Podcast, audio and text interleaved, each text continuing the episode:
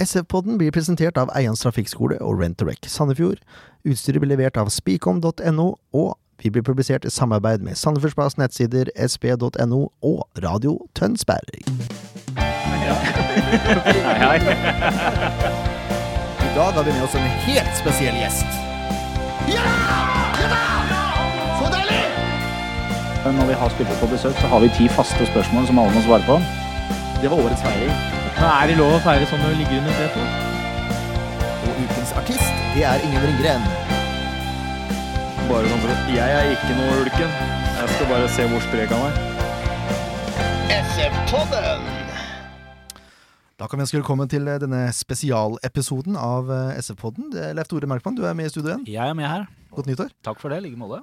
Så har vi sjefen over alle sjefer, holdt jeg på å si. Per Kjetil Berg, velkommen skal du være. Jo, tusen takk. Godt nyttår til deg òg. Jo, i like måte. Og så har vi den ferskeste ansettelsen i klubben, eh, tør jeg påstå.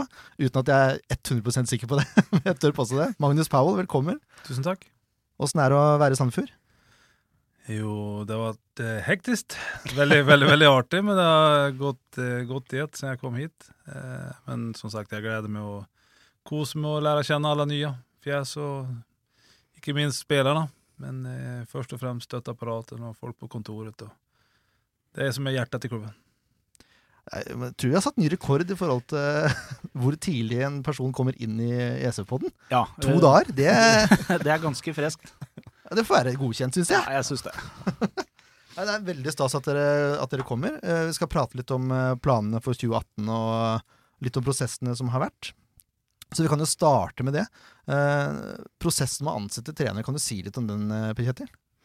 Det kan jeg selvsagt gjøre. Det, det har vært en uh, grundig prosess og en god prosess. Og vi kjenner jo historien i forhold til uh, Lars Bohinen som uh, tok den muligheten som bøy seg i forhold til Ålesund.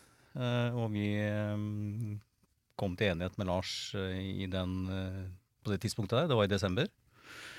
Og rett inn mot jul og i oppkjøringa. Så det kommer litt brått på oss.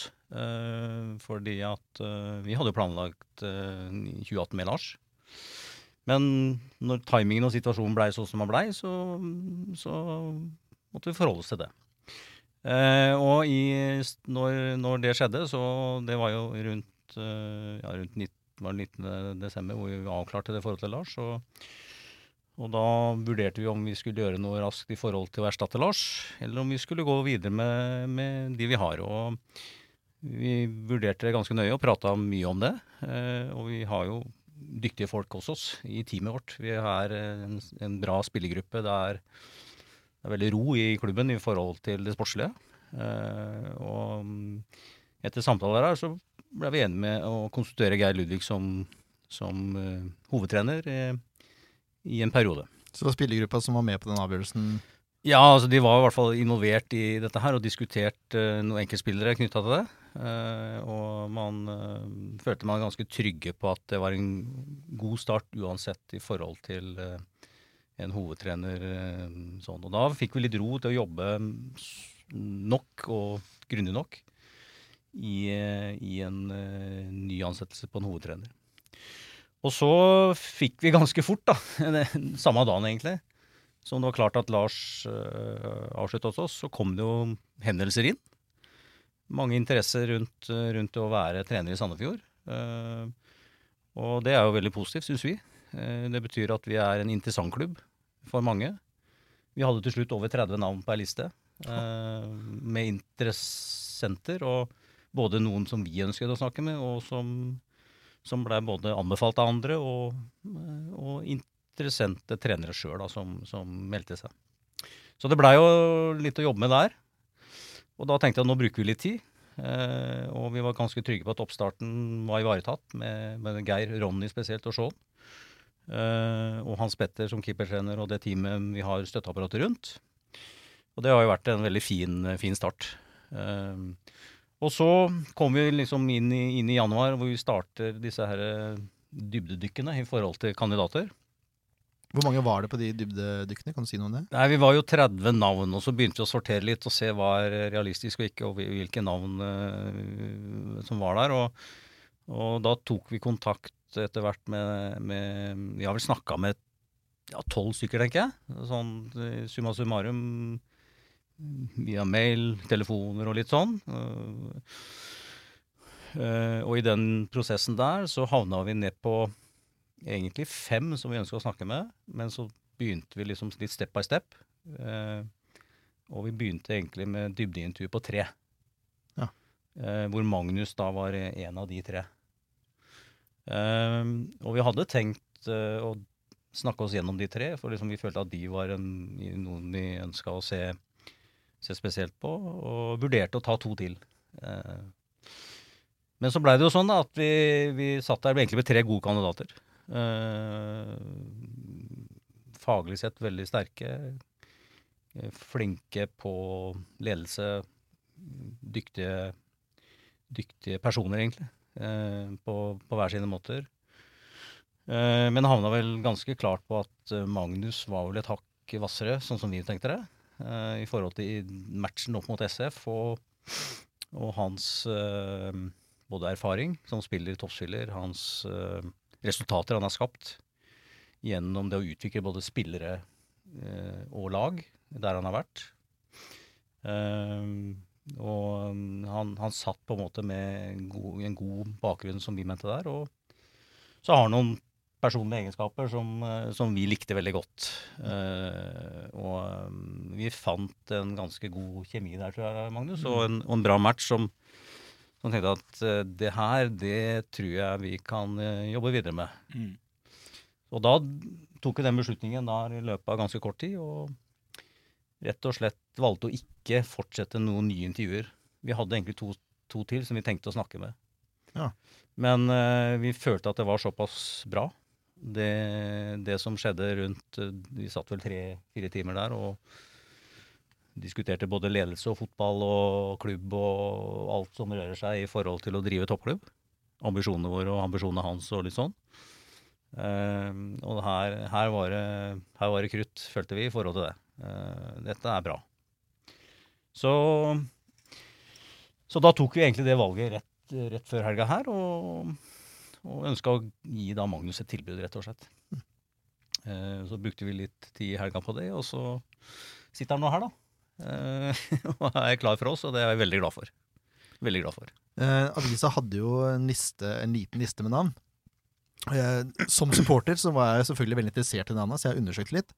Eh, og sett utenfra da, så virka det som at Brennstrøm var den eneste, hvis han var en real, real det bør du ikke uttale deg om, som hadde spilt 3-5-2 og fått til noe, på en måte.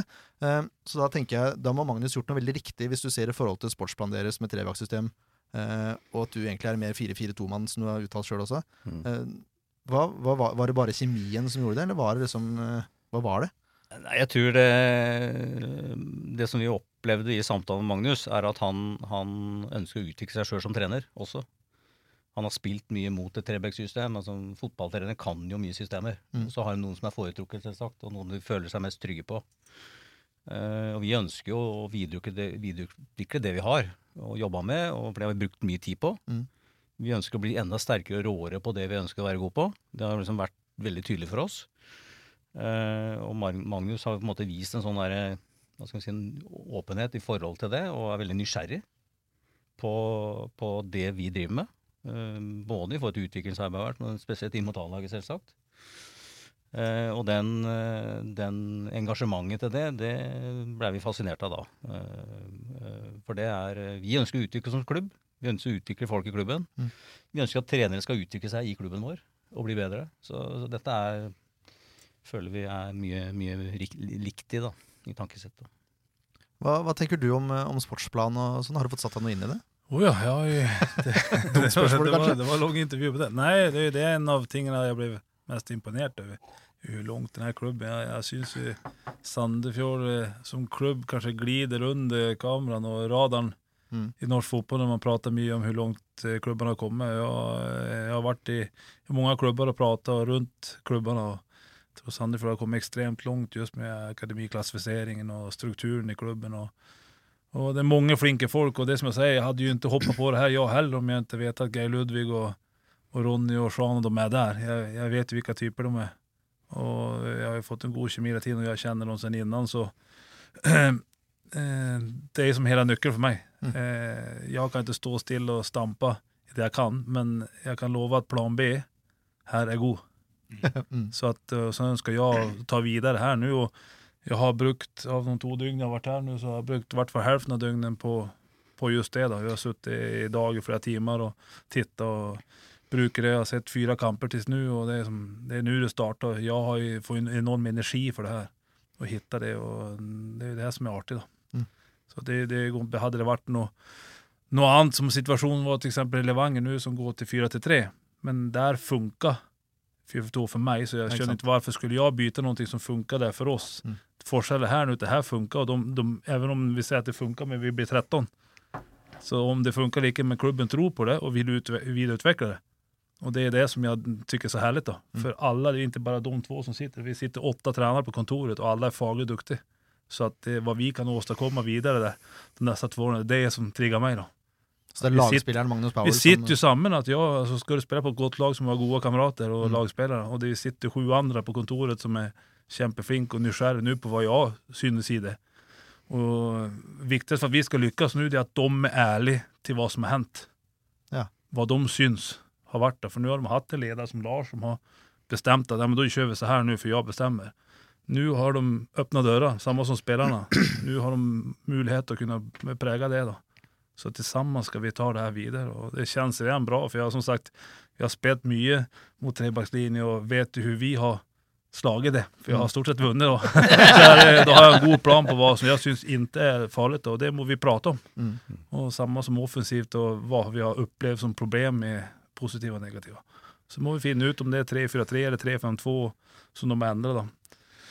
Eh, per nu så føles 3-4-3 känns det som er mest tiggende artig. Då. Så jeg tror det blir utrolig herlig fotball. Men så må vi kunne løse det med typene. Og igjen så går det på typene, laget, hva vi har for noe. Men så at for meg er det, i stedet for jeg kommer til noen til å si så her skal det være, så er alt nytt og spennende og alle muligheter der for meg. Så eh, jeg gleder meg mer enn jeg har gjort på lenge. da, og det, det er härligt. Hvem, hvem er det Sandefjord får nå som en fotballtrener? Hvem er Magnus Pau? Ja, jeg, den jeg. Jeg er ingen, eh, ingen annen. Altså, jeg er meg sjøl hela tiden jeg er, strukturert, jobber hardt, stor arbeidskapasitet. Som jeg sier, at jeg har nå alle bokstaver i alfabetet. Så jeg har litt ADHD, men det heter vel bare at man var ivrig når man var liten. Så att det er det jeg liker å jobbe, jeg liker å jobbe hardt. Och det har vært en viktig ting for meg nå når jeg skrev under her. Nå er jeg fast mye kortere hjemme enn jeg har hatt, så skal jeg flytte hit. For Mm. det er det som har ju- kanske gjort suksessen for meg de tre årene som har vært nå, at jeg har kunnet få fokusert og gjort det jeg ønsker. Da. Så det er det, de får det i tillegg en veldig prestisjeløs fyr som skjønner at det er ingen fasit i fotboll, utan vi skal lyssna, jeg lyssnar på spelarna, får involvera. Och, eh, jag tror jag är duktig på att delegera uppgifter så att alla får eierskap. Mm. Så at jeg det er familie, familiegreier. Og som jeg sier, at jeg er noe veldig hard på feltet. Veldig tydelig, veldig direkte og veldig prinsippfull, men jeg har et stort hjerte. Så at det, det kan gjøre vondt for spillerne å høre der og da, men jeg bryr meg om spillerne hvor mye som helst. Då. Mm. Det kommer man å få merke. Jeg tror Hvis jeg skyter inn litt i forhold til det, kan Magnus si om sjøl òg, men det er jo, vi er opptatt av å utvikle spillere, unge spillere. og Det har også vært et tema, og vi opplever i hvert fall det Magnus har vist i det nå. altså Han er veldig opptatt av det sjøl. Å bringe unge spillere opp og fram. Og har allerede i dag satt og diskutert litt hvordan man ønsker å gjøre det. Eh, Konkrete ting. Hva som skal til på feltet da, hver dag for dette. Det er interessant. og det er liksom Ja, det, går det er utbildningen som jeg har gjort. jeg Jag, som, jeg føler det som står sterkt i meg, kontra noen som kliver rett inn, at jeg har gått lang vei. Mm. Jag har vært assistent først i Allsvenskan i Sundsvall. så gikk jeg tilbake og ble juniortrener. och toppspelarutvecklare. Så jag, jag har haft alla landslagsspelare, Lilleström och följt un, unga spelare specifikt och jobbat med videoanalys och allting. Och, så en- bredheten det kontra å bli huvudtränare så är fortfarande det som är suget att se den sulten i unga spelare. Därför kanske jag har valt att spela med mye, för att jag spelar med de som är bäst. Det spelar ingen roll vad de, hur mycket betalt eller vad de heter.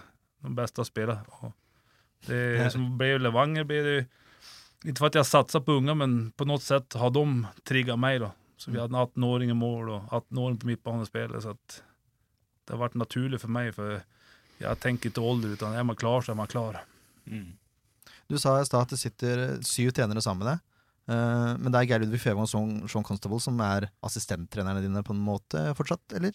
Ja, det, det er de som Hans jobber Petter rundt som A-laget. keepertrener. Altså. Ja, ja, selvfølgelig. De som er rundt A-laget, men vi sitter jo sammen hele dagene. Mm. Mm, Men, Så- men selve uh, altså, trenergruppa rundt A-laget, det er ikke endra. Det er bare at vi har bytta ut Lars med deg, holdt jeg på å si. Resten er som det har vært. Ja. Kontoret er liksom Ja. de samme. Mm.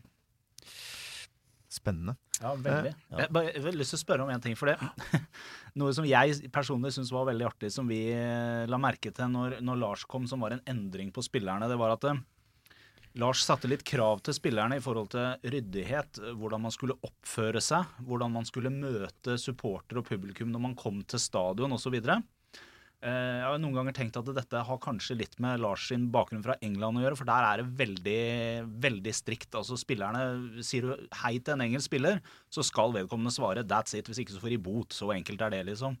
Eh, Og litt av dette ble jo innført i Sandefjord fotball. Eh, Vi merka jo litt endring når vi møtte guttene utafor. Ikke noe headset lenger på, og de var våkne og opptatte. Er det ting som du er opptatt av? At, for, for jeg tenker litt Spillerne lever på en måte av oss.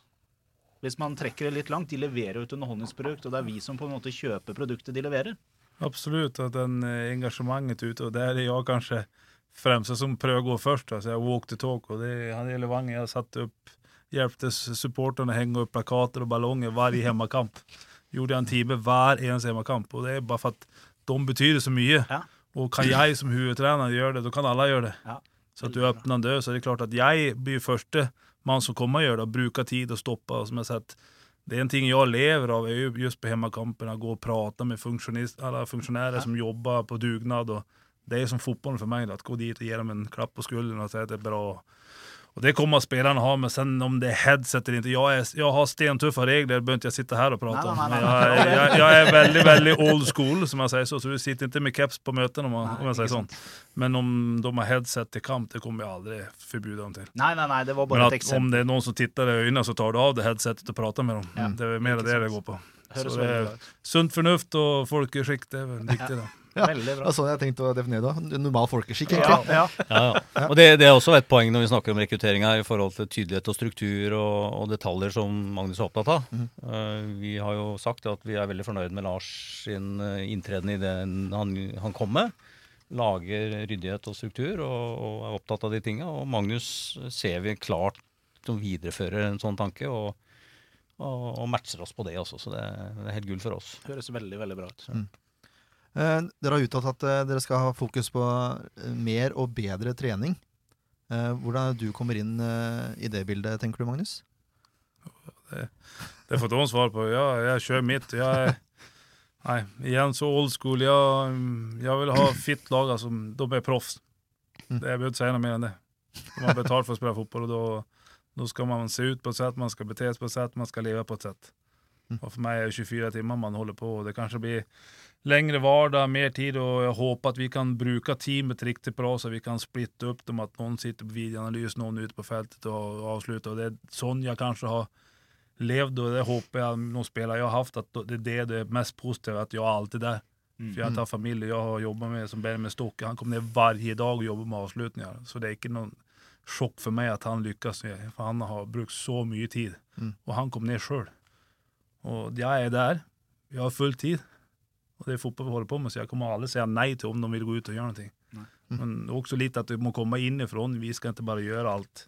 Mm. Så da får vi trigge dem til det og åpne dørene. At det fins tilgjengelig på både videoanalys, taktisk trening, teknisk trening, avslutning av løping, fysisk, gå gymmet med noen, Ta en gympass med en ung spelare, jobba to-to og sitte i gymmet med en ung kille og prate om han. Uvurderlig tid Mm. i en time. Mm. Så sådana saker, att all, det är inte bara en A4 hur man gör, utan varje case är unikt och man må vara tillgänglig och flexibel på olika sätt. Då. Sånn som du prater om, du, virker, Du må ha utrolig mye energi. for Jeg blir litt sånn sliten av Ja, Og ikke ADHD vi snakker om. Men det er, Nei, men jeg, du må være en fantastisk ressurs da, jeg elsker älskar og jeg elsker fotball, älskar fotboll och älskar att team og man må man seg til till det. og i, det er det weakest link. Jeg er veldig tydelig at det er som ett tåg. Man med på det toget, er är man inte med så då, då är man ute. Mm. Ganska enkelt. Och ska vi bli bättre och det visar att man kan göra det, eftersom vi klarade det i Levanger, vi gjorde från att nästan åka ut och leda kampen, leda serien 19 omgångar med samma trupp nästan. Mm. Och det är möjligt på grund av att du är ett lag. Ja. Mm. Så ganske enkelt.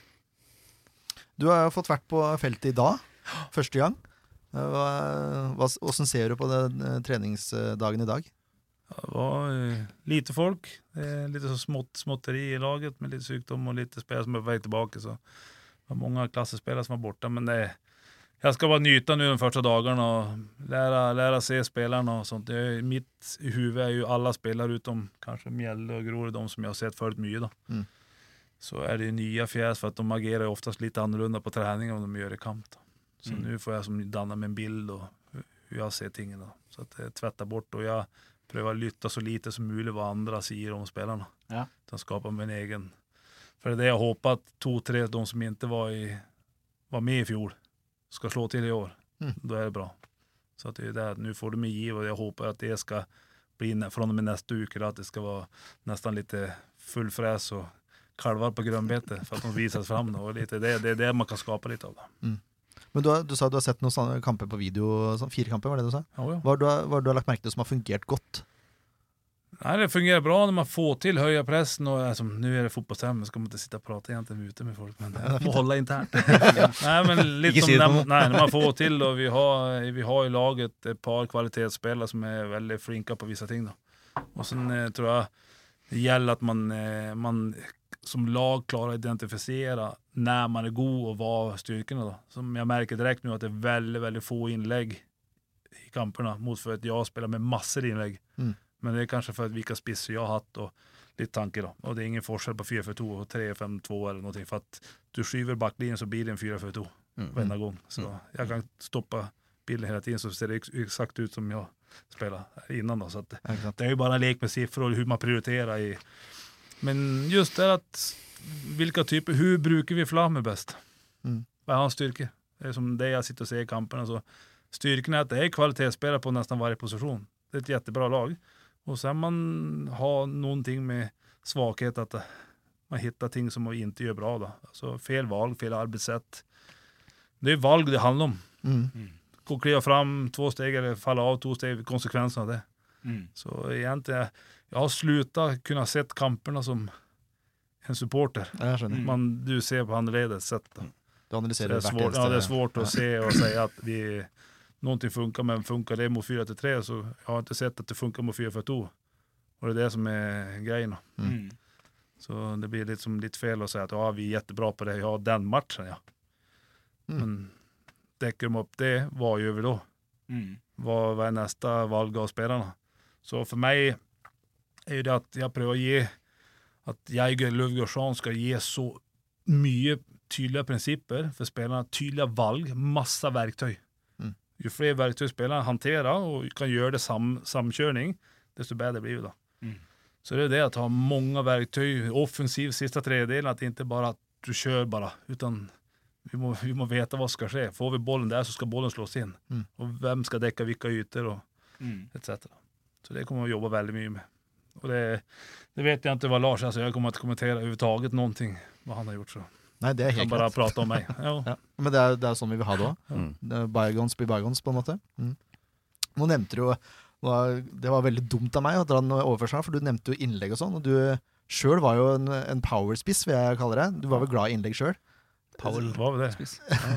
Sitter du igjen med, med noe av det i trenergjerningen din? Altså den Nei, måten nei. Jeg tror ingenting ur min spelstil. Min, min bästa period i hela karriären var ju under Åge Hareide i Helsingborg i 4-3 som mittspiss.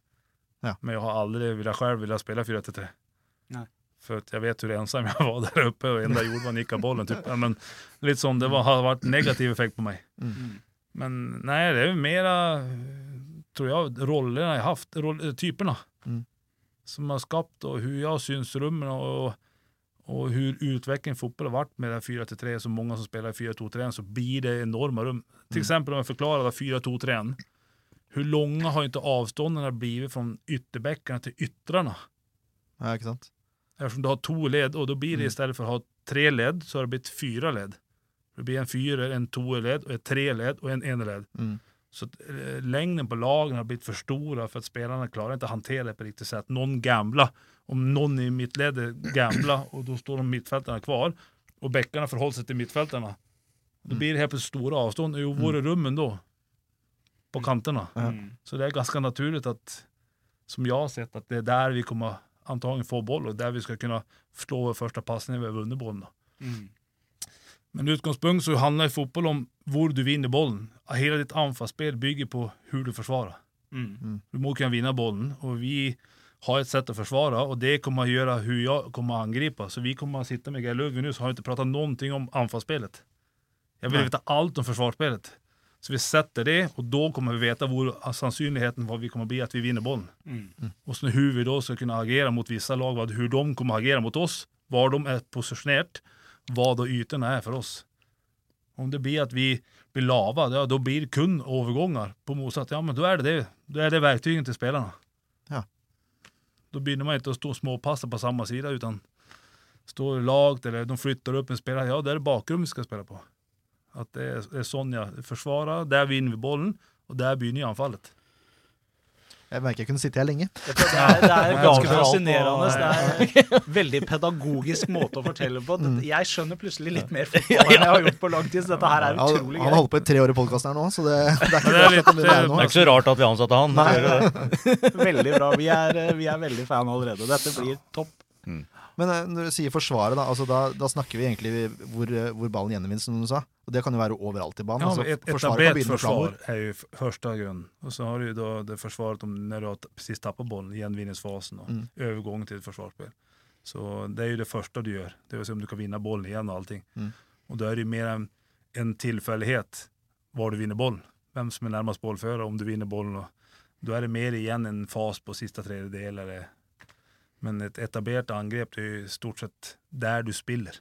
Det er der du må ha din styrke. Skal du vinne fotballkamper, så må du kunne styre kamperna. Mm. Du kan ikke gå tilbake og bare kontra. for da ligger du under 1-0 så ligger du tilbake. Mm. Og skal vente på kontring, ja men da bare holder de bollen. Altså, hur skal du gjøre mål da? Så for meg er det, som, det er sunt fornuft. da. Så du skal, det- meg mig helt, det tror jeg var det første jeg hadde i Levanger. for Levanger bare slog lengre boller og var veldig tydelig første året de var uppe. Hade liksom inget eget spill nå sa jeg då- då kan du få noen poeng, Men du kan ikke vinne kamp- Vinne kampen om du tør å ha et eget spill. Mm. Og det er det viktigste for meg, at du tør å holde på bollen. Og sånn kan noen synes det er kjedelig at det går for dårlig, men det er jo bolltempo da. Men det kan jo være et syfte med å spille en boll hjemme for å hvile. Det Bare- är dumt å spille du boll for at du Du ska må være forberedt på mye Nei! Jo, men jeg, jeg, jeg skjønner det, og jeg er forespråker Jeg kommer antakelig til å skrike da med at fremover er tempoet. Kan vi gå fremover, så gjør vi det. Mm. Ta ytan, men vi skal ikke være dum heller. Vi skal ikke tappe bollen for at vi skal gå fremover. Nei, det er bedre å spille en støttepasning enn å miste Helt ballen. riktig. Ja. Men da skal det være hensikt, for vi har pratet hele tiden at hver pasning bakover må være hensikt med. Mm. At vi skal vende spill, eller vi skal lokke opp forsvaret for at det skal hote i bakrom, Mm. eller noe sett. Så vi skal ikke sette en pasning uten hensikt. Nei. Og da kommer da neste, hva, hva er hensikten? Jo, da må spilleren bakom ballføreren må alltid ha en plan. Mm. Da må vi begynne å ha bedre persepsjon, begynne å forberede med våre verktyg. Får jeg boll nå, hva er min arbeidssätt? Hva er arbeidsbeskrivning? Hva er jeg beskrivning nå? Jo, jeg er balansspiller og vendingsspiller. Det er det ene jeg skal gjøre. Ja, er jeg det, da må jeg begynne å se om jeg kan vende bollen. Mm. Hvilken fot og sånt. Og da begynner arbeidssettet å begynne å komme for spillerne. Og da blir det ingen tilfeldighet med pasning bak, for da vet hele laget at når den bollen går bak, hva skal vi gjøre? Jo, vi skal vende. Jo, da begynner folk å kunne agere i stedet for å reagere. Mm. Og det å få kunne prate med spillerne, at de får den kunnskapen til det. da. Jeg, jeg, jeg, håper at det er der jeg er god. så. nå har jeg begynt å prate utenom manus her òg. Det lover jo veldig godt for Ja, denne episoden. Blir lang sending. Men det som jeg ofte irriterer meg over da, når man, når man sliter angrepsmessig, er jo statiske spillere. Er, det virker som du er opptatt av det, da, men eh, er, altså, er det type roller? Er det første, andre, tredje bevegelse du tenker? Er det For meg handler det om at man stiller spørsmål. Mm. Altså, jeg, jeg klarer ikke av det stasjonære. Du går inn i banen, får ikke bollen. Hva er ikke bedre enn at en kantspiller går inn og stiller seg som spiss? Nei. Skape et overtall. Det er en ny situasjon. De må, de må gjøre noe. Åpne en yte. Skal bakken komme, bli med inn, eller skal han slippe over? Og så er vi på 22 og får en fri spillere. Og løpe diagonaler løp. Altså det verste er men det här är någonting för spelarna. Ju färre verktyg de har så ser det planlöst ut. Och det är alltid det när det går dåligt så säger så ah, det är ingen plan. Jo, alla tränare har en plan. Mm. Och alla lag jobbar med planer. Men när det går dåligt och det är dåligt och då blir det stationärt och folk väntar att någon annan ska göra något. Mm. Och då må man ha att man har jobbat in sådana typer av scenarier i scenarieträningen sin. Att är det sådana perioder, ja men då må vi göra ett enklare spel. Då lyfter vi bollarna ner i korridoren och så jobbar vi efter å få ett inkast och få något positivt och hausa upp oss. Och så här plötsligt är det en fem minuters period bara. Men är den perioden 20 minuter, då är det inget roligt. Nei. Så att det är just att kunna identifiera, shit nu är vi inne i en, en dålig period, vi står still, ja men då gör vi det basic igen. Bang, lyft upp, flytta upp, vinna andra bollar. Då spelar vi enkelt. Mm. begynner vi når vi får sjøltillit og får bollen igjen, og da begynner vi igjen. Bytte position på kanter. Altså gjør noen ting for å endre vanesettet for spelarna. Mm. Så det liker jeg, som man byter side innover över kanter, ut över kanter. altså Alt det her skaper jo en ny situation for deres ytterback. Så har du en kant som går og så taper han én mot en tre ganger. ja, men det er jo dum som trener å låta han fortsette tre ganger til. Mm. Da bytter jeg side, så kanskje han lykkes der. ja men da har vi ju... Så det är, Åh, det er musikk i øret, vet du. Åh, nærmer, nær, nærmer sesongen seg. Eh, bare sånn, eh, Før vi går over på kjedelige administrative ting igjen. Eh, hvordan vil du beskrive deg sjøl på sidelinja? Hva kan vi forvente av Magnus Power på sidelinja? Er det krutt der jag, òg? är, ja, jeg, jeg er helt sjokkert etter tre år at jeg ikke har åkt på tribunen. det må jeg si. Men jeg tror at jeg er så snill. Altså, jeg, jeg er noe godhjertet og kjenner og er kamerat med mange. då. Men jeg, er, jeg er veldig altså, ja, Engasjert. Jeg tror det. det er. Litt. Det liker, jeg, det liker jeg veldig godt. Jeg kan si at jeg, eh, uten sammenligning for øvrig i det hele tatt, var jo trener eh, i min ungdom. Og løp altså opp til midtbanen og tilbake igjen for å, for å styre spillere. Det er også det jeg kaller engasjert. da, Så det elsker jeg å se. Trenere som er engasjerte på sidelinja. Det, er, det gir liksom litt ekstra kick. Men der har jeg en bra greie, da. Til forskjell fra at man skal gjøre det og ikke. Mm. För, eh, min tränargärning, från jeg var først, så fikk jeg et par gode ord av min eh, mentor der, Søren Åkerby. Han prater hele tiden at fotballtrener er en lärare. Och det er samme, for vi, vi jobber hele uka, precis som elevene gjør i skolen, en hel uke for å lære ting. Vi øver på ting for at de skal lære. Forskjellen på fotbollstränare og lærere det er at eh, når vi skal ha prøven Hva er prøven for fotballtreneren? Det er Kamp, ja. ja. Jeg lover at det ikke er en lærer som står og skriker svarene. Nei. Nei, nei, det Det er er forskjellen, for, for da vet de ikke. For det er det som er kanskje klukset på trening og kampen med yngre lag. Det er at de roper hele tiden svaren og valgen for spillerne. Og da vet man ikke om de har lært seg. Nei. Så jeg prøver å bruke kampen som prøven. Mm. Og så ser jeg hva vi kan og ikke kan. Og så får vi øve med det under uka. Når det funker, dommeren? vet jeg at de kan. Nei, push, altså, Jeg skulle alle ropa valget til spillerne. Okay. Kan han ikke det så er det mitt feil. Mm. Vi blir ikke bedre for at jeg står og roper svarene, fast jeg vet det. Det er mitt jobb å lære dem valgen. Ja, Fantastisk. Jeg er pedagog òg, vet du, så det er eh, Nå scorer du høyt der, Magnus. det er bra, bra prøve. Det er bra der, å tenke på den. Ja, den var veldig bra. Eh, det har vært, eh, vært mye spørsmål rundt uh, det å ha en overordna sportslig leder i klubben. Er det noe dere har sett på, på Kjetil? For å bare vri over til noe helt annet. Ja, vi har alltid, det har vært diskutert mye det. Mm. Eh, egentlig flere runder. Og vi hadde, har jo hatt en strategiprosess i høst. Eh, og der har vi ikke sagt at vi skal ha en sportslig leder, men det vi har sagt, er at vi må bli bedre på spillelogistikk. Ja. Og det er jo det det egentlig handler om. Hvis man ser hvordan sportslige ledere jobber kanskje i, i de beste klubbene, så jobber man mye med spillelogistikk. Så det er jo på en måte temaet og, og fagområdet som vi må styrke. Eh, Mer enn at vi skal ansette en sportslig leder. Eh, Vi føler at vi har veldig god kontroll på hvordan klubben drives sportslig gjennom Ronny Holmedal som utviklingssjef, gjennom A-trenere sånn som Lars som har vært og tatt et ansvar rundt A-laget og et samarbeid der. Uh, og faglig sett, med de trenerne vi har og det teamet vi har, vi snakker om åtte mann her som er sterke, og det ledes på en måte av, tre, av sånn som Ronny på utvikling og en A-trener, så føler vi at vi har veldig bra kontroll på den sportslige driften av en toppklubb. Men spillelogistikken det handler om kompetanse, det handler om ressurs. Det handler om organisering og struktur på det også. Og det har vi sagt, der må vi styrke oss. Eh, og det er også interessant når vi snakka med Magnus om disse tingene her, at, eh, at eh, vi ønsker å, at Magnus også engasjerer seg i, i det. Gjennom eh, hvordan vi skal jobbe med spillelogistikken.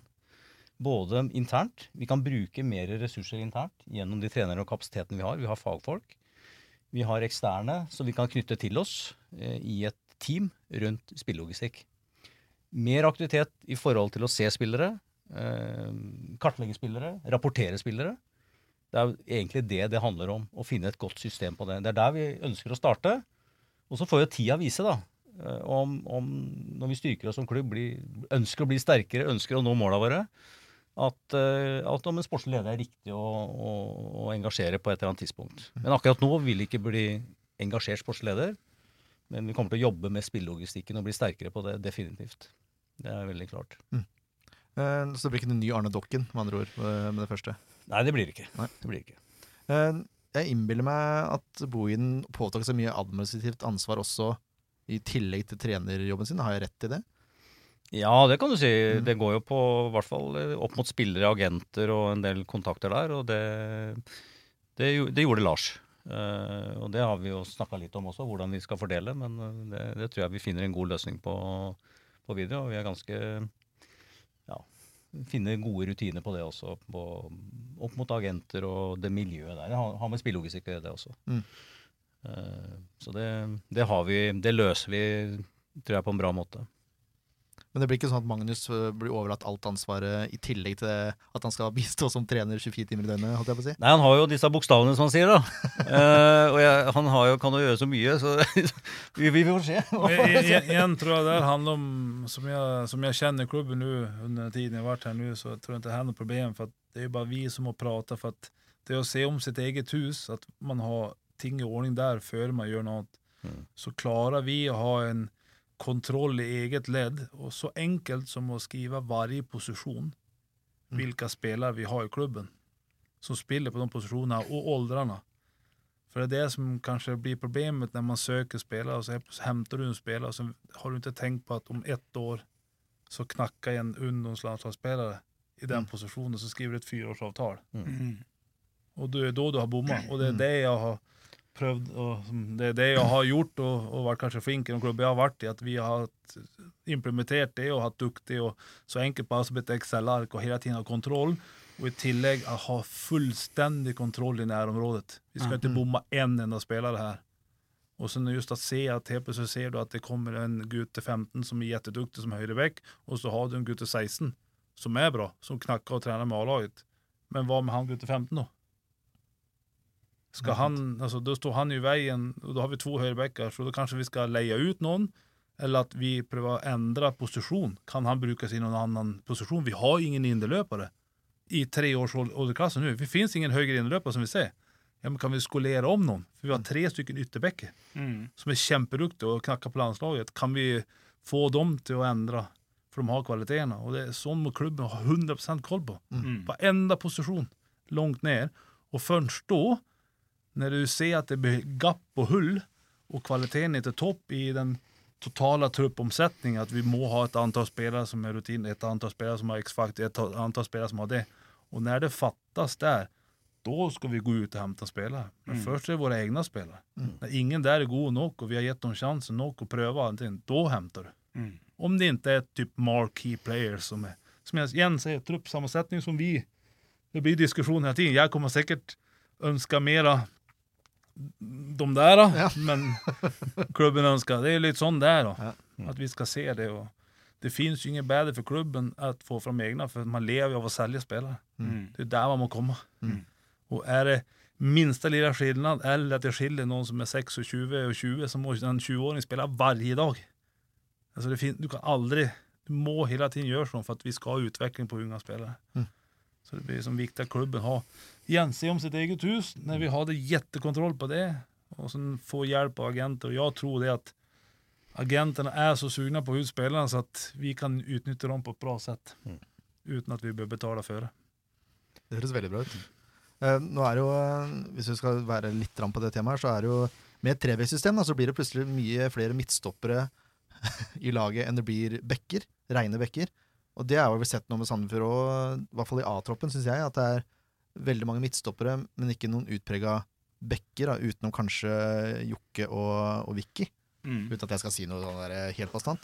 Men er det også en tanke at man da, hvis man skulle endre formasjon, hvis ikke det funker eh, i år, og skal endre formasjonen til en firer bak, da, eh, må man da begynne å omskolere spillere da Er det en tanke som, Var det et eksempel på det du sa nå, da? Absolutt. ja. Ja, men da forsto jeg det riktig, Ja, det ikke er det det handler om. Ja. Det er profilen du har, og, og plan B og plan C, og, og ikke minst hva er fotball om fem år? Mm. Hvordan ser fotbollen ut om fem år? Nå med konstgräs går fortere og fortere. Kravspetsen på hver posisjon har jo förändrats brutalt de siste fem årene. Så alle sentrale midtfeltene jeg jag spelar, de er ytterbekker nå.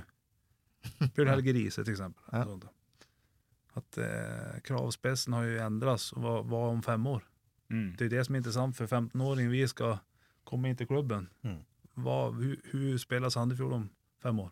Mm. Hun spiller man fotboll om fem år? Mm. For det er jo som klær. Gikk gick ut med sånne vinga bukser som var... Altså, det er jo på vei tilbake. Sånn er det i fotboll. Då. Nu är det julgran og det er trebackslinjer som det var på 70-80-talet. Alltså, Det er jo som influenser hele hela tiden. Det er for at noen lag som er bra lykkes. Mm. Og litt är det 4 för 2 som har vært det. Ja, men 4 för 2 det er om svenska landslaget är videre till slutspel, til VM. Mm. Danmark og mm. 4-4-2 Island. Så, men Norge, Nei, Men 4-4-2. Alla landslag spelar 4-4-2, men fortfarande ska man i Norge inte spela 4-4-2. Men alla, det är ju det här som snart är, det är 4-4-2 bara alla igen. Mm. Så det här går influenser i det där och det är de som lyckas som sitter med facit. Och det är kanske det som är fotbollens problem, att man ser hela tiden till de som är bäst nu. Men innan vi har kommet dit så er det noe annet annat som er bra. Ja, man må hitta sin hele- egen greie. grej. Ja. etter Ja, och det er, liksom. syns jeg er en av de artigste tingene med, med att gå til Sandefjord. Mm.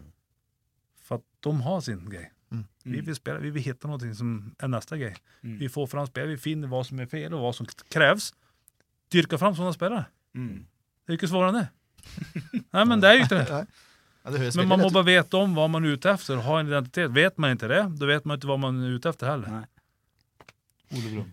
Ja, Ole Brumm. Jeg, jeg tenker jo sånn at Hvis vi ser internasjonal fotball, også, så er det jo de beste klubbene har jo evne til å variere veldig. Mm. Fra kamp til kamp. og takt, er veldig taktiske i forhold til om det er trebekk- eller firebekksystem eller én uh, på topp. Og, altså, Arsenal, United, Chelsea spiller spelar og neste kamp Mm. det er litt, og da, det handler om uh, å ha evnen til å bruke og kunne beherske. Mm. Eh, kanskje ikke akkurat formasjon, men det har litt med spillestil å gjøre. Det er- er justering og nyanser i dette her, da. Ja. En halv back for at du har møter motståndare som har enorm fart. Da kan det se ut som at du ikke liker lika offensiv. Ja, det er Mm. Mm. nyanser hele tiden i spillet. da. Ja. Interessant. Eh, Lars Bohin var jo en utprega kunstgressforkjemper i Sandefjord. Ja. Mm. Hva var ditt forhold til kunstgress kontra naturgress? jeg må spørre, Jeg, jeg er Nej, jag är ju gammal generation, alltså nykläppt gräsmatta. Då, det, det er nesten bedre enn ja, Ja, jeg skjønner. det er nesten bedre. Kom fra Åråsen, vet du. så- Alltså, det er fantastisk Jeg har fått fått av å få vært på Åråsen så lenge, og det er fantastisk matta. Mm. Det er som ingenting som tar det. Og jeg liker det her at det endrer karakteren At når när du satt i garderoben og det øste ned, og du visste at det skulle bli en grisematch Det, var som, det ble ikke noe sämre før du satt ned for mig. Så att jag likte det. Men eh, nu på konstgräs, det tyckte jag kanske var det härligaste med att vara i Levanger. Mm. Det att det var samma förutsättningar varje dag. Vi kunde Ja. träna hela tiden. Var det att vi måste stå över en träning eller bollen humpa eller det skulle vara mindre att vi kunde bara bryt, eh, bruka den sidan av banan och måste gå dit nästan. Nu är det som fritt vilt på allt. Då. Och det var väldigt skönt och jag förstår att det kanske är framtiden för det är fler brukstimmar och du får bruka för fler lag. Och jag känner det, men det är inte fotboll. Jeg er pollenallergiker, og jeg har det på akkurat samme måte. Men eh, det har blitt artig. Jeg tror at, jeg tror at fotbollspubliken syns det er bedre med kunstgress, for att det går mye fortere. Og... Jeg tror det. Ja, ja, ja. Men du har jo tappa tacklingar och sånt för du hinner aldri fram å takle Nej, jag För det- har gått därifrån. Så. Det er nettopp. Det er et nytt spill. Ja. Um, ja, skal vi, skal vi Vi skal snart over på spørsmål fra fansen. Mm. Eh, men eh, det er et arrangement om uh, Hva blir det nå? Halvannen uke. Halvannen uke. Mm. SF Awards i, i Strømstad. Jeg så sist, uh, siste oppdatering at det var 20 ledige plasser. Åssen Mm. er ståa? Nei, Det begynner jo å tette seg til nå. Det er ikke mange ledige nå, altså. Nei. Så det blir fullt hus, sånn som det har vært de siste åra. Og full jubel, tenker jeg. Eh, Det har det også vært de siste åra. ja, er der er vi i hvert fall i Eliteserien. Og helt i øverste nivå, tror jeg. Topp tre, vil jeg si. Ja, det tror jeg. jeg. Det sa i hvert fall Lars, husker jeg. Han sa at han aldri, aldri, opplevd det her i en toppklubb før. Et sånt arrangement. Så det er unikt. Det er vi veldig stolte av. Mm. Eh, så veldig, gleder oss veldig eh, igjen til SF Awards. Det, det gjør det, altså. Det gjør vi òg. Veldig. Hva med deg, Magnus? Du skal til hjemlandet og, og feire litt. Hvordan, hvordan, blir det? Det er vel kanskje i utgangspunktet det jeg gleder meg mest til. Ja. jeg vet ikke hva det andre er, men nei, det blir artig. Jeg, jeg har, jag ska bruka den helgen på ett bra sätt, så jag tar inte med min fru men jag ska lära känna alla andras fruar och koner. Och...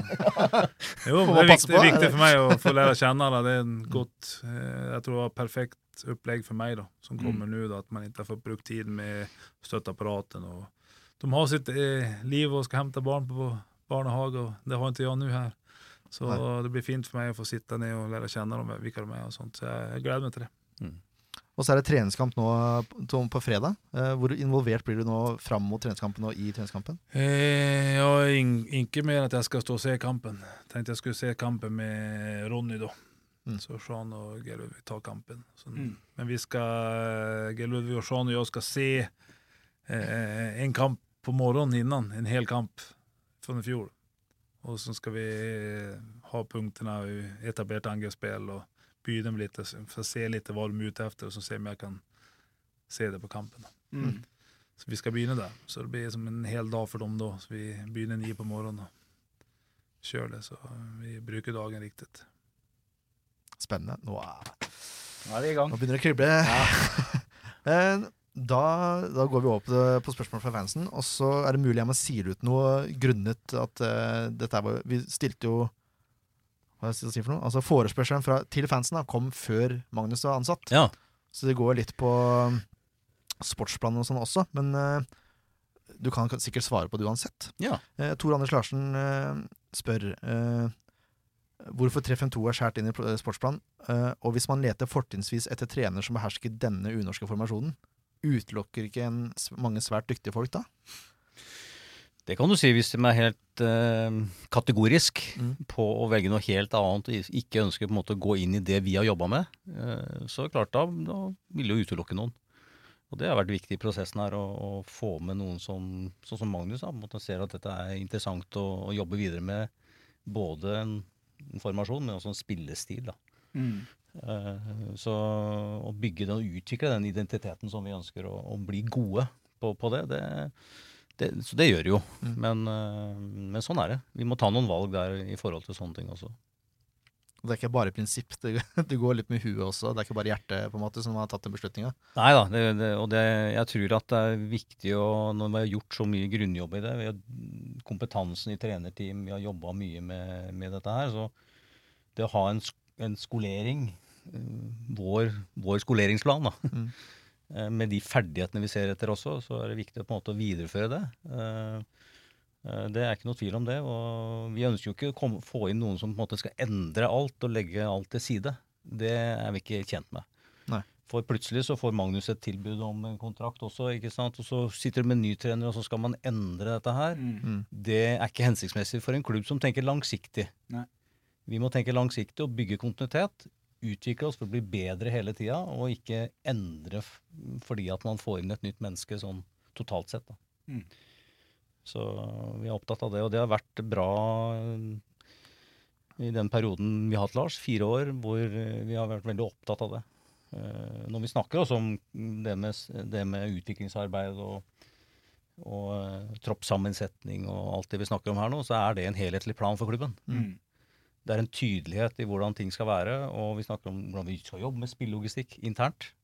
Og det har vi gjort nå i 2017 også, tatt tak på en måte hele hvilke unge spillere har vi i ulike posisjoner nå? Hvordan er det kartet her internt med de vi har? Mm. Hvilke, hvilke spillere ser vi der ute som kan passe inn hos oss i forhold til et, eh, en oversikt? da, Som gjør at når han går ut, så kommer han inn og liksom finne den balansen i, i spillelogistikken. Og det vi, det har vi jobbet med i 2017 også, og det skal vi fortsette med og bli enda bedre på. Så, så det henger sammen, det også. Yes, eh, Lasse Ødegaard han eh, lurer på om det er noen spillere som er på vei bort eh, fra klubben, utover de to uruguayanerne. Jeg må ta sats for det ordet, er så vanskelig å si.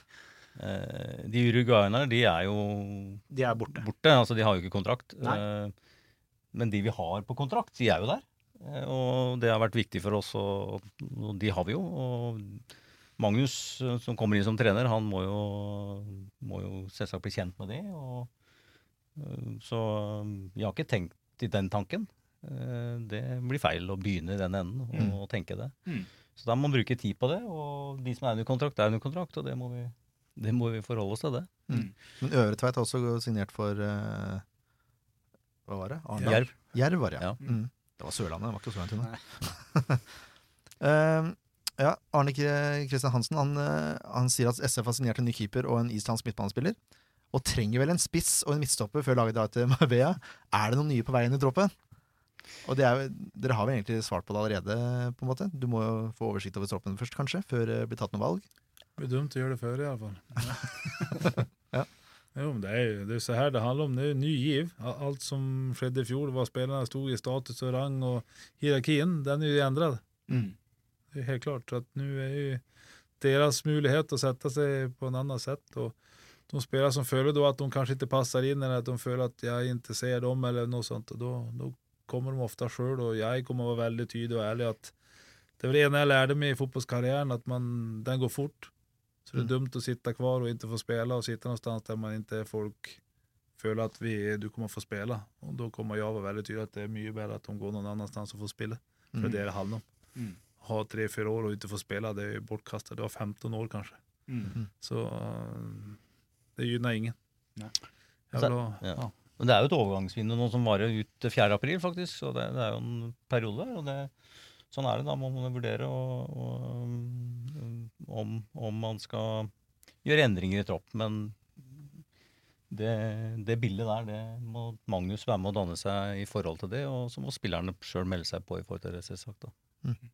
Dere har litt tid på dere, på en måte. Ja, vi, vi har jo litt tid. Sjøl om serien starter 18, 11. mars, så, så er overgangsvinduene mulig i forhold til sånne ting. da. Som, Men det er alle. Vi har jo både, jeg tror både Geir Ludvig og jeg og Sean har vel noen typer og, og noen spillere. Så er det alltid. Mm. Men så vi vet det finns och Mm. så har man sina små kontakter som man håller och någon spelare man vet och det gäller att det ska passa in och just per dag status känns det fel att man ska ta in någon och för att man nästan lovar för sånn är det som tränare når du hämtar en spelare som nästan har du lovat att han ska få en möjlighet in Mm. Ja. och så har du gjort det utan att jag har sett dem och gett chansen till de andra det blir helt fel Mm. så därför syns jag det blir man fokusere på dem vi har først. Daniel Haugen han eh, lurer på hva SF-styret tenker om den negative publisiteten som har vært en periode nå.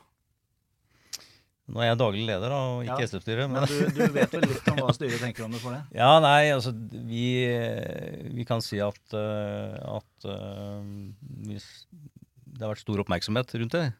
Definitivt. definitivt. Eh, og det er litt på godt og vondt. Mm. Eh, vi eh, Det ble jo skapt en situasjon i sommer knytta til det, og en oppfølging av det, eh, som i utgangspunktet var veldig positivt. Det skapte interesse rundt klubben. Eh, Det skapte en god greie i klubben i starten. eh, Og så har på en måte i sum og eh, utover høsten og, og vinteren nå, så, så har vel det endt i en, en eh, ja, for klubben ikke noe ønska situasjon, det. Eh, Vi, det har vært Det har i hvert fall vært støy som vi, vi ønsker, ikke ønsker å ha. Eh, Men det er vi liksom ferdig med. Vi har fått rydda det av veien og gå videre. Vi, det er noe med å Ok, det er gjort. Man har gjort de tingene man har gjort. Og styret er liksom eh, veldig positive i forhold til det som skal skje nå. Eh, vi tenker veldig framover. Eh, det som er gjort, er gjort. Sånn er det vi veldig. Vi får ikke gjort noe med det som er gjort heller. ikke sant? Så, så for oss handler det om å ha fokus på å bli bedre. Eh, ta nye steg og, og gå videre i forhold til det. Eh, en læring er det alltid i sånne, sånne prosesser. og det, Så vi sitter egentlig ganske bra i det i forhold til det, det akkurat nå. Det er ikke noe tvil om det. Ja, de er ryddig. Ja, veldig. Eh, nå er det to skal vi se, nå er det to spørsmål som eh, egentlig har blitt besvart. Ja. Jeg bare sier de, og så går vi videre. For Ja, det ja. har vi besvart de. Eh, men det var jo Albert Gilbus som lurte på om SV vil revurdere sportsplanen nå som pådriveren har pakket sammen og dratt. Og det er det, skal vi ikke gjøre. Nei, vi skal ikke det. Altså En sportsplan den, den har en, en årlig sånn gjennomgang. Men den er jo Den er jo lagt til 2021. Mm. Eh, samme som ny strategiplan som klubben har lagt også, fram til 2021. Eh, det er jo sånn at det er jo førende for hvordan vi skal drive klubben. Mm. Men styret har jo sagt at den, både strategiplan og sportsplan skal evalueres årlig. Mm. For det handler om, det handler om til syvende og sist resultater. Mm. Det er jo ikke noe vits å drive med noe hvis man ikke får resultatene. Nei, nei, nei. Så det handler om hvis man trenger justeringer i forhold til den retningen, så, så må vi jo gjøre det. Mm. Men øh, det handler heller ikke om store omveltninger i forhold til sånne ting heller. Så, men den, det tar man hvert år. En gjennomgang på, så man evaluerer øh, alt annet vi driver med. Så, så gjør vi det også. Mm. Planverket. Kim Landro og mange andre har også spurt om noen nye spillere på veien, og det har vi, synes jeg vi har fått avklart ganske greit. Mm. Da kan du ta den eh, neste, ja, eh, Dorte Kvarme hun uh, lurer på hva klubben syns om at Ålesund nå har skrevet kontrakt med spissen Fridtjasson. Uh, det var jo en av de spillerne som Bohinen ønsket til SF. Ja. Nei, det, det var jo fordi at vi ikke blei enige med, med, med, med den overgangen. Eh, vi syntes han blei for dyr, Mm. for han måtte kjøpes ut. Og vi mente at det, det Og da, da blei det stopp i de videre forhandlingene knytta til det. Så, men at den går til Ålesund, det, det, det må han få lov til. Ja, ja. Vi har ikke Og om det er Lars, det må jo Lars få lov til som ny trener der oppe. Eh, Daniel Haugen lurer på hva som skjedde med Thomas Bendiksen. Thomas er fortsatt sykemeldt. Han har vært sykemeldt nå i noen måneder, og, og er fortsatt det. Eh, Så det er ikke så mye mer å si om det. Han kan ikke trene, i hvert fall. Og, og det er veldig synd, eh, spesielt for han og for oss, at, at Thomas ikke Når han kom hit i januar, så hadde vi veldig trua på det. Han var veldig bra i treningsarbeidet i starten der. Veldig ivrig. Uh, dessverre så ble han sykemeldt rundt mars, uh, tenker jeg, var vel da, og mm, har gått langtidssykemeldt, rett og slett. Eh, Han er fortsatt tilknytta klubben. kan si ja, han har jo kontrakt med klubben, Mm. men eh, det er klart når det er sykemeldt så lenge, så, så er det jo alltid en sånn spørsmål å komme tilbake. Mm. Eh, men det får jo tiden vise, da. Mm. Når han, eh, om han blir ordentlig frisk og 100% til å trene for fullt eh, i, i, som topp, i toppidretten. Da. Det er jo det det handler om, dette her. Så vi håper jo at Thomas blir frisk. Det er det viktigste for oss. eh, og for han er jo det. Så sånn er situasjonen der. Thomas eh, Hauken Haakonsen han eh, lurer på om klubben kommer til å sette seg høyere mål i år enn i 17. Du kan spørre Magnus, da. Men nei, altså, klubben har jo topp ti. Ja. Mm. Det er klubbens absolutte mål, og det er, ligger i strategiplanen. Vi ønsker å være en topp ti-klubb. Det betyr ikke at vi er nødvendigvis fornøyd med å være nummer ti. Men vi må bli bedre enn nummer ti. Og det, det, kan jo bety at vi har muligheten, så skal vi sikte enda høyere. Mm. Uh, og det må jo det må man se an i forhold til det. I år så lå vi veldig godt an uh, lenge. Vi lå an til topp seks, som vi sier sjøl, og jeg var veldig offensiv i sommer. Her er det muligheter. Her er det jaggu meg bare å gå for, uh, for en bedre plassering, og vi var veldig klare for det. Eh, samtidig som, som eh, det skjedde det som skjedde på slutten, og vi havner da på 13. istedenfor at vi kunne havna mye høyere opp. Mm. Topp 10 er, syns vi er riktig sånn ambisjon for en klubb som Sandefjord. Vi ligger, ligger der vi ligger, og vi må bygge oss sterkere både i forhold til det sportslige og det økonomiske og alt rundt, uh, sjøl om vi har veldig mye bra i klubben. Vi ligger, Blant annet så ble vi topp seks på arrangement i Eliteserien. Eh, så vi tenker også topp ti-nivåer på de ulike områdene som vi driver i klubben. Om det er utviklingsarbeidet, det kommersielle, hvordan vi jobber med det, arrangementene våre, anleggene våre, så har vi liksom den topp ti-referansen eh, i, i ambisjonene våre. da. Men du sikter på medalje, eller, Magnus? Kommer, alle kommer nog alle säga vad jag siktar på. Nei, ja, man har, jag har min eh, interna egna målsättning selvfølgelig. Sen är det ju laget sitt också, men eh, det vi andas och lever av är ju klubbens målsättning. Så det är ju det vi förhåller oss till. Så. Sen om vi har hårigare mål så får vi hålla dem internt. Men eh, det är klart, det är fotboll, det är, det är väldigt tufft tror jag att sitta. Det är tuffare nu än vad det var förr. Att sitta och tyra platserna. Jag huskar själv när jag spelade så visste man ofta som spelare att man låg någonstans kanske 8 till 6 eller noe. Mm. Jeg syns det er veldig udefinierbart nu for det, det skiljer veldig mye fra toppene til, til bunnen. Och du, det viser jo da at både kanskje Lillestrøm og Sandefjord i fjor var så nære sjetteplass, og så ender de opp 12-13. Mm. Mm. Så att det er jo det aspektet og hvordan skal man da hitta målsättning når man kan og en kamp hamna mellom 6 og 13 som skiljer mye penger på plasseringa. Så jeg jag tror man må leve i nuet og leve i, i prestation.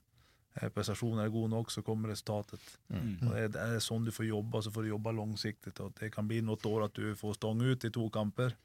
Rødt Rött kort eller Feilaktig rødt kort av en dommer, og det gjør at du blir nummer 12 istedenfor för nummer 8. Driver man feil da? Nej, Sant? inte menar jag, utan man måste se bak alla resultat och se hvor man är på väg och hur nära Ja. man är. Men är man som 17 poäng från den 16 plats, eller sjätte plats, då har du andra problem. Men Mm. det är liksom, jag tror att det är svårare i dagens fotboll, som det är nu i norsk fotboll, att sia och ha målsättningar. Det, det är ett, det är i alla fall ett stort spektra av klubbar som kan slå begge veier. Mm. Nå nærmer vi oss å runde av. Det er ett spørsmål igjen. Det er fra Harald Vettvik. Eh, du har på en måte besvart her også, Per Kjetil, bare sånn at du er klar over det. Mm. Uh, I utgangspunktet er det ille gæli at vi skal se opp til Sarpsborg 08, men de har gjort mye riktig. Uh, derfor leste jeg med stor optimisme om SFs nye veivalg, som blir grundig omtalt i uh, Sandefjords Blad i september. Med scouting og kjøp salg av spillere var vant til nye. SF hadde ifølge deg, Per Kjetil, verken tid eller anledning til å reise rundt i 2017. Hvilke grep ble tatt for å klare dette i fremtiden?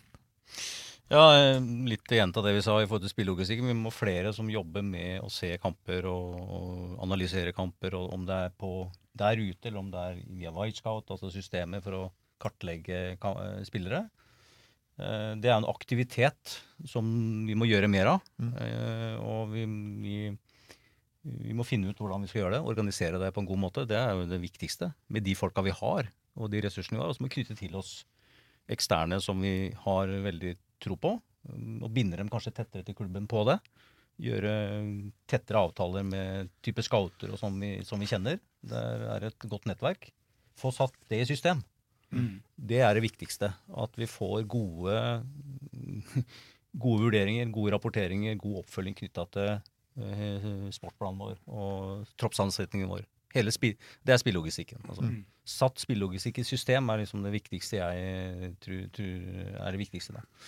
Jag, jag tror at det er viktig at man, eh, Nå sånt här tilfelle, men egentlig kanskje man, vi borde være flinkere også å fortelle folk egentlig hvor vanskelig det er. Om man skal sette på, bare et enkelt forklare er at eh, når du, vi kan si at vi skal se kamper i elitserien og så si at vi skal se de fyra eller du skal følge, men hva er det du skal se? Hva er det du ser etter? Mm. Jo, alle ser han gode. Ja, Bentner.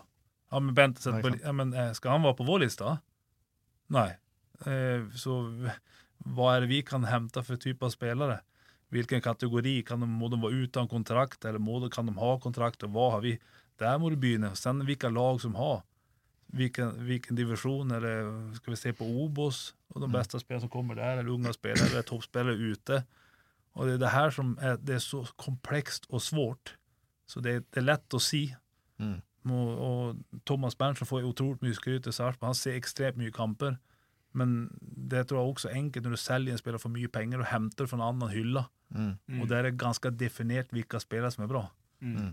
Det er det kanskje ikke for oss. Ja, ikke Det er mange å velge mellom. Og jeg får, eh, i- som trener i Obos-ligaen, jeg får til kanskje, kanskje 30 spillere hver dag. Få agenter som ringer inn og mailer. Mm. Og skal jeg svare på alle? Skal jeg se alle de 30 varje dag? Det er helt omöjligt. Mm. Mm. Så att eh, oftast det som sker nu at att det blir där att man reagerar istället för agera. Mm. Man reagerar, vi ska sälja en spelare, nu må vi hämta en. Mm. Och det är det man får begynne å prøve, at vi agerer, at vi er litt på forkant med noen vi vet vi har råd med. Mm. Mm. Og så helt plutselig så säljer vi noen for 15 miljoner. Og da kan du begynne å hitte på noen og søke ut. Og det er enklere. Mm. Svårare å hitta de her med samme lønn, og kanskje mindre lønn, som kan bli noe. Mm. Og det Og unge spillere også, som har én spisskompetanse. Det er jo ikke alltid det er nok, selv om man er veldig god på den ene tingen som junior, f.eks. Og så åssen vet man at den spilleren klarer å utvikle de andre områdene? Det, det er jo et puslespill som er vanskelig å løse uten brikkene, på en måte. Och jätteviktigt just på den här nivån att du hämtar för varje spelare utifrån Du hämtar till, som jag säger, att eh, jag inte tänkte på som spelare själv så mycket, men jag, för då var det inte lika stor omsättning. Jag var utlänning själv när jag kom hit. Då. Men som i Lillesund nu förra veckan kom det fyra afrikaner. På en träning. Och det är ju fantastiskt att man har gott samarbete. De har ju sålt spelare och har ja, otroligt gott nät där. Mm. Men jag tänker, hade jag vært juniorspelare i Lillestrøm, Nei, ikke sant. Blitt demotivert. kanske. Mm. Är du, er hele tiden dem du fokuserer på, dem som får pressen, Ja. kommer dit og journalistene tar bilder av dem og de er 16-17 år. Vi har jo flausa landslagsspillere i alle klubber. Mm. Så eh, igjen, hvor mye skal du bruke utenfor, og hvor mye lokalt? og Den lokale forankringen er jo det vi driver av. Det er det folk kommer på stadion. Så vi må, vi må jo liksom ha ordning på kartoteket vårt selv. Mm. Så får da hjelp av agenter og sånn når man behøver ha. Men jeg føler at det er litt mye reagering enn agering i klubbene nå. da, men med denne akademiklassifiseringen tror jeg klubbene har blitt flinkere og flinkere å få systemet, for hjelp av store klubber med systemet man har. Mm. Og det er det som gjør klubbene bedre, og kanskje det som kommer å drive norsk fotball framåt. At klubbene blir ah, administrativt bedre Mm. sportsligt. Jeg tror vi bare får understreke litt i forhold til klassifiseringa og den prosessen og det som har vært rundt det. da. Det er jo, det er jo basert på et, verktøy og noe som norsk toppfotball har utvikla. og det er gjort en grundig jobb fra norsk toppfotball og toppfotballsenteret i, i de beste ligaene i Europa. Hvordan de har jobba med spilleutvikling eh, der ute. Og så har man samla på en måte det og, og laga en sånn best practice i forhold til det. og og tatt med seg hjem og utvikla en norsk modell. Eh, så spillerutviklingsmodellene i toppklubbene nå med den klassifiseringen er løfta på et helt annet nivå enn det, enn det har vært tidligere. Eh, det gir et veldig godt grunnlag for å kunne nettopp utvikle toppspillere veldig seriøst, ordentlig. Bedre struktur, mye tydeligere på hvordan du skal gjøre det. Tydeligere i forhold til utvikling. Det handler ikke bare om det du gjør her hos deg sjøl, men på veien, som vi sier. Altså Hvis det er en spiller da som står eh, og banker for å komme inn og kommer ikke inn. Da er bedre at som du var litt inne på, Magnus, at man finner et, et høyeste nivå et annet sted for å utvikle seg videre, kanskje kommer tilbake. Mm. Spillelogistikk handler ikke bare om at eh, det handler om at de spillerne du har, ønsker å utvikle. Det er ikke alle du klarer å utvikle hos deg sjøl. Men hvor kan vi sende dem for at de skal ta neste steg? Og så kanskje hente tilbake. Det vil alltid være. Så, så det å ha styring da, på de prosessene der, det er det vi ønsker, øh, ønsker å ha. Og det, det, er, det er fullt mulig hvis vi er bevisste. da. Jo flere verktyg du får, desto bredere kan du bli som klubb. Og det er det det handler om, at, at man kan bryte ned det så langt at, at vi kan behandle hver spillers case unikt. Mm. Hva er best for deg? Mm.